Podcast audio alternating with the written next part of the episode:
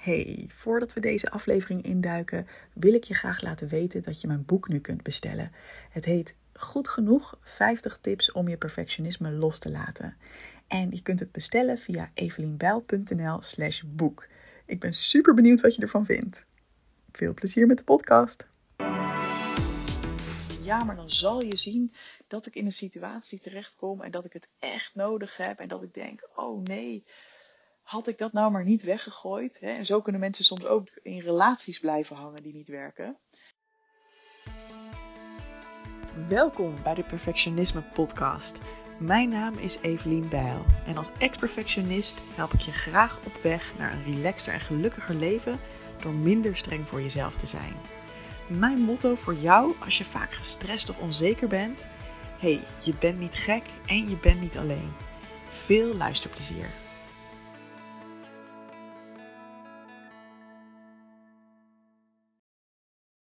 Oké, hier is een nieuw podcast-experiment. Ik ben op dit moment in mijn huis aan het klussen.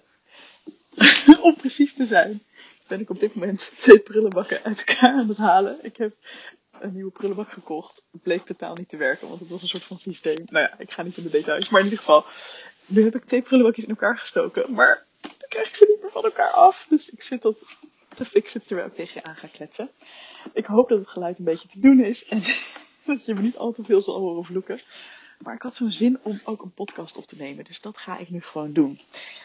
Um, misschien verdwijnt dit hele, deze hele opname wel in de krochten van mijn telefoon, omdat ik besluit hem nooit te plaatsen. Maar als je het hoort, dan heb ik blijkbaar besloten dat het oké genoeg is om naar te luisteren qua geluidskwaliteit.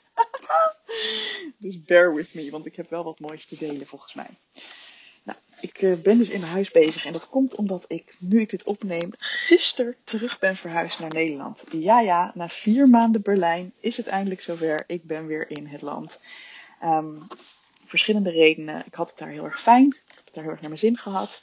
Uh, maar het was gewoon om een praktische reden qua huisvesting. Ik zal er niet te veel op ingaan, maar het was gewoon praktisch handig om weer hier naartoe te gaan terug naar mijn huis in Leiden.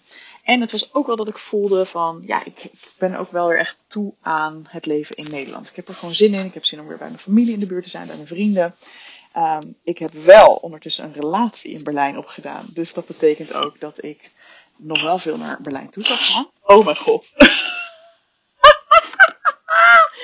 Oké, ik kom er ondertussen achter dat ik de hele tijd die twee prullenbakken de verkeerde kant op aan het schuiven was. Waardoor ik ze alleen maar vaster in elkaar klikte. En ik moest het gewoon naar beneden schuiven. Soms is een oplossing zo simpel, hè. Dan denk je van, ah, heel veel kracht zetten, heel erg je best doen. En het lukt maar niet en dan ga je nog harder forceren. Het is gewoon een metafoor voor het leven, mensen. En dan blijkt eigenlijk dat je gewoon even naar beneden moet schuiven in plaats van naar boven. En dan is je hele probleem opgelost. Ja, ja. Nou, dit was even een wijze les tussendoor. In ieder geval, ik ben dus weer terug in Nederland en gisteren kwam ik thuis, terug in mijn huis. Mijn lieve ex-vriend had het allemaal heel netjes achtergelaten. En um, ja, maar ik zag dat het lekker leeg was. um, en ik had ineens super veel zin, dus daar ben ik gisteravond al mee begonnen en vanochtend mee verder gegaan.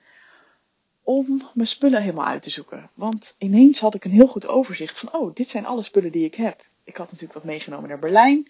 Er staan ook nog wat tassen met spullen in de kelder van mijn nieuwe vriend daar. Want ik kon niet alles met de trein mee terugnemen. Ik had daar ook wat dingen gekocht. Uh, en ook vanuit Nederland steeds meer dingen meegenomen. Elke keer dat ik terugging. Uh, dus het was een nogal verzameling. Maar hier in Nederland kon ik natuurlijk zien welke spullen ik had achtergelaten. En dat waren allemaal dingen die ik dus vier maanden lang niet gebruikt heb. En daardoor kon ik even met heel veel, veel meer afstand kijken naar hey, wil ik deze dingen eigenlijk nog in mijn leven hebben? Dus om een voorbeeld te geven, ik ben door mijn hele kledingkast gegaan en ik heb daar met dat, die frisse blik naar gekeken van, hmm, word ik hier eigenlijk nog wel blij van? Want er is natuurlijk een reden dat ik andere kleding heb ingepakt om die vier maanden in door te brengen. Uh, en een deel is natuurlijk gebonden aan seizoenen, hè, dat je, je draagt geen, uh, geen zomerkleding in december. Maar uh, een heel groot deel heeft natuurlijk ook te maken met hoe fijn je je voelt in die kleding. En hoe ver je nog daar echt blij van wordt. Um, en wat ik ook merkte is dat terwijl ik dus ook vanochtend door die kleding heen ging en door mijn spullen heen ging, dat ik bij sommige kledingstukken Um, bij sommigen was het heel duidelijk van, nou inderdaad, hier heb ik al een tijdje, ben ik dan niet, niet zo enthousiast meer over. Huppatee, dat kan ik gewoon weggeven. Maar er waren er ook een paar waarvan ik dacht, ja, maar dat is nog wel handig. Ik had bijvoorbeeld zo'n um, navy blue, hoe noem je dat? Marineblauw jasje. Zo'n colbertje. Waarvan ik altijd heb gedacht van ja, dat is wel heel praktisch om te hebben. Want als je dan nog een keer in een formele setting moet verschijnen, dan heb je dat maar gewoon. Maar eigenlijk is die al een hele tijd een beetje krappig. De mouwen zijn wat krap. Het spant wat om de borst. Um, ja, ja, is dat nou echt iets wat ik nog met plezier ga dragen? Ik realiseerde me eigenlijk dat ik dat jasje vooral hield vanuit het idee. Ik ben bang dat ik er spijt van ga krijgen als ik het wegdoe. En niet vanuit het verlangen om het ooit nog aan te trekken. Want als ik nadacht over in wat voor situatie zou ik in godsnaam hier wel blij van worden, dan kon ik eigenlijk geen enkele situatie bedenken. En net zo was er een knalroze, een beetje zo'n ja, biggetjesroze jurk, waar ik ooit heel enthousiast over was. Het was een beetje zo'n zakelijke jurk met zo'n mooi wat stijver materiaal, zeg maar. Ik vind altijd dat ik op Dolores Umbridge lijk, um, als ik het aan heb. Voor de niet-Harry Potter fans. Dat is een karakter uit Harry Potter. Um, ja, wat gewoon een hele gemene vrouw is. die draagt altijd van die ja, roze jurkjes en um, heeft van dat servies met van die kittens erop. Maar ondertussen is ze de grootste heks pun not intended, uit die hele serie en is echt vet gemeen. Uh, maar goed, ik vind dat ik, dat ik een beetje die vibes uitstraal als ik het aan heb. En ik weet niet, ik vond dat vroeger blijkbaar wel, tof of zo, maar ja, ik zit natuurlijk al heel lang ook niet meer in een, in een context waarin ik formele kleding hoef te dragen hè, met mijn eigen bedrijf. En het, het, past gewoon niet meer helemaal bij wie ik nu ben. Maar ja, het was best een uh, wat duurder jurkje. En ik dacht ook van ja, maar ik heb het uh, op zich nog een paar maanden geleden nog een keer aangehad. Dus ja, dan kan ik het eigenlijk niet wegdoen, toch? Um, maar terwijl ik dus zo hè, mijn, mijn, koffer ook aan het uitpakken was en mijn kleding ook, hè, die ik nu wel veel draag, weer terug aan het hangen was, ontstond er een geheel. En het was me toch een doorn in het oog, dat knalroze jurkje, waarvan ik eigenlijk elke keer dacht, huh. Ik werd gewoon letterlijk minder blij van als ik mijn kast inkeek en ik zag dat jurkje hangen. En dat gold dus ook voor dat jasje. Uh, dat trok iets minder de aandacht, moet ik wel zeggen. Maar ja, ik had hetzelfde gevoel erbij. En toen dacht ik ook vanochtend, hé, hey, waar ben ik nou mee bezig? Ik ben dit aan het vasthouden vanuit de angst dat ik spijt ga krijgen als ik het loslaat. En dat is eigenlijk voor mij bijna nooit een goede motivatie om iets vast te houden. En zo sta ik ook bijvoorbeeld in relaties. Um, tuurlijk wil dat niet zeggen hè, dat je alles maar meteen weg moet gooien de seconde dat je het even niet meer mooi of aantrekkelijk of leuk vindt. Helemaal niet. Hè? Ook als het gaat over relaties. Je, je, je, werkt er nog aan. Je, je hebt het over dingen. Je probeert eruit te komen. Je praat goed. Um, en dan kom je tot een beslissing. Nou ja, net zo is dat misschien wel met kledingstukken of met spullen. Het is eigenlijk een beetje een metafoor van.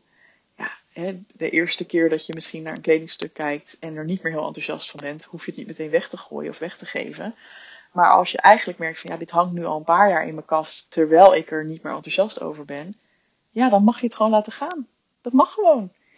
En um, ja, waarom zijn we eigenlijk vaak zo bang om dingen te laten gaan waar we eigenlijk niet blij van worden? Ik denk dat er een soort van schaarste angst onder zit. Van ja, maar dan zal je zien dat ik in een situatie terechtkom en dat ik het echt nodig heb. En dat ik denk, oh nee, had ik dat nou maar niet weggegooid? Hè? En zo kunnen mensen soms ook in relaties blijven hangen die niet werken.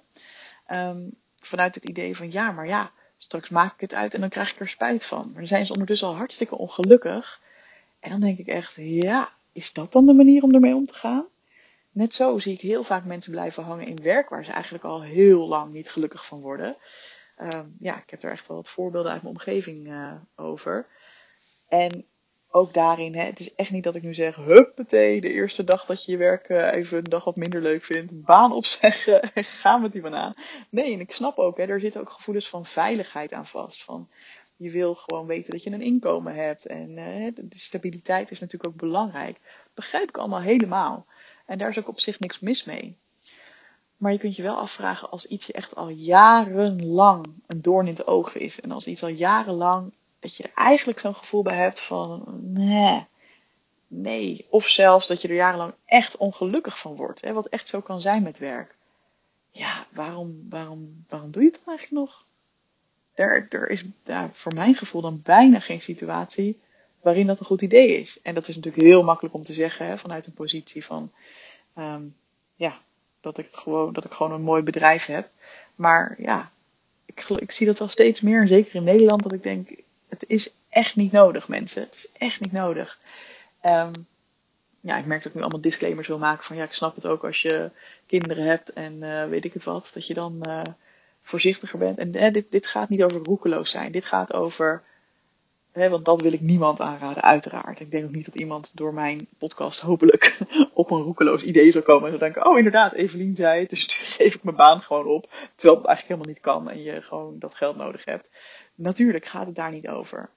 Um, maar als je zelf steeds weer die vraag stelt van ja, wat doe ik hier eigenlijk nog? Wat doe ik hier eigenlijk nog? Waarom maak ik deze keuze nog steeds? Waarom laat ik dit niet gaan? Waarom hou ik hier aan vast? Ja, laat het maar eens los en kijk maar eens wat het je brengt. Ik heb met alles gemerkt, echt met alles tot nu toe, dat als ik het vanuit die intentie losliet, van ja, weet je, ik voel gewoon dat dit eigenlijk al maanden of jaren me, aan me knaagt weet je, dan heb ik er eigenlijk nooit spijt van gehad achteraf. En om het weer even naar kledingstukken te trekken. Ik heb heus wel eens gehad dat ik dacht, oh shit, hey, ik dacht dat ik dat nog had en dat heb ik niet meer. Maar dat was nooit een probleem. En in het allerergste geval, als je echt denkt van, nou shit, ik heb toch weer echt een uh, donkerblauw colbertje nodig. Dan ga ik naar de winkel en dan koop ik een donkerblauw colbertje. Maar dan eentje met mouwen die wel passen en iets wat ook gewoon over mijn borst heen past. Weet je wel? Ja, weet je, zo, uh, zo is het natuurlijk ook weer.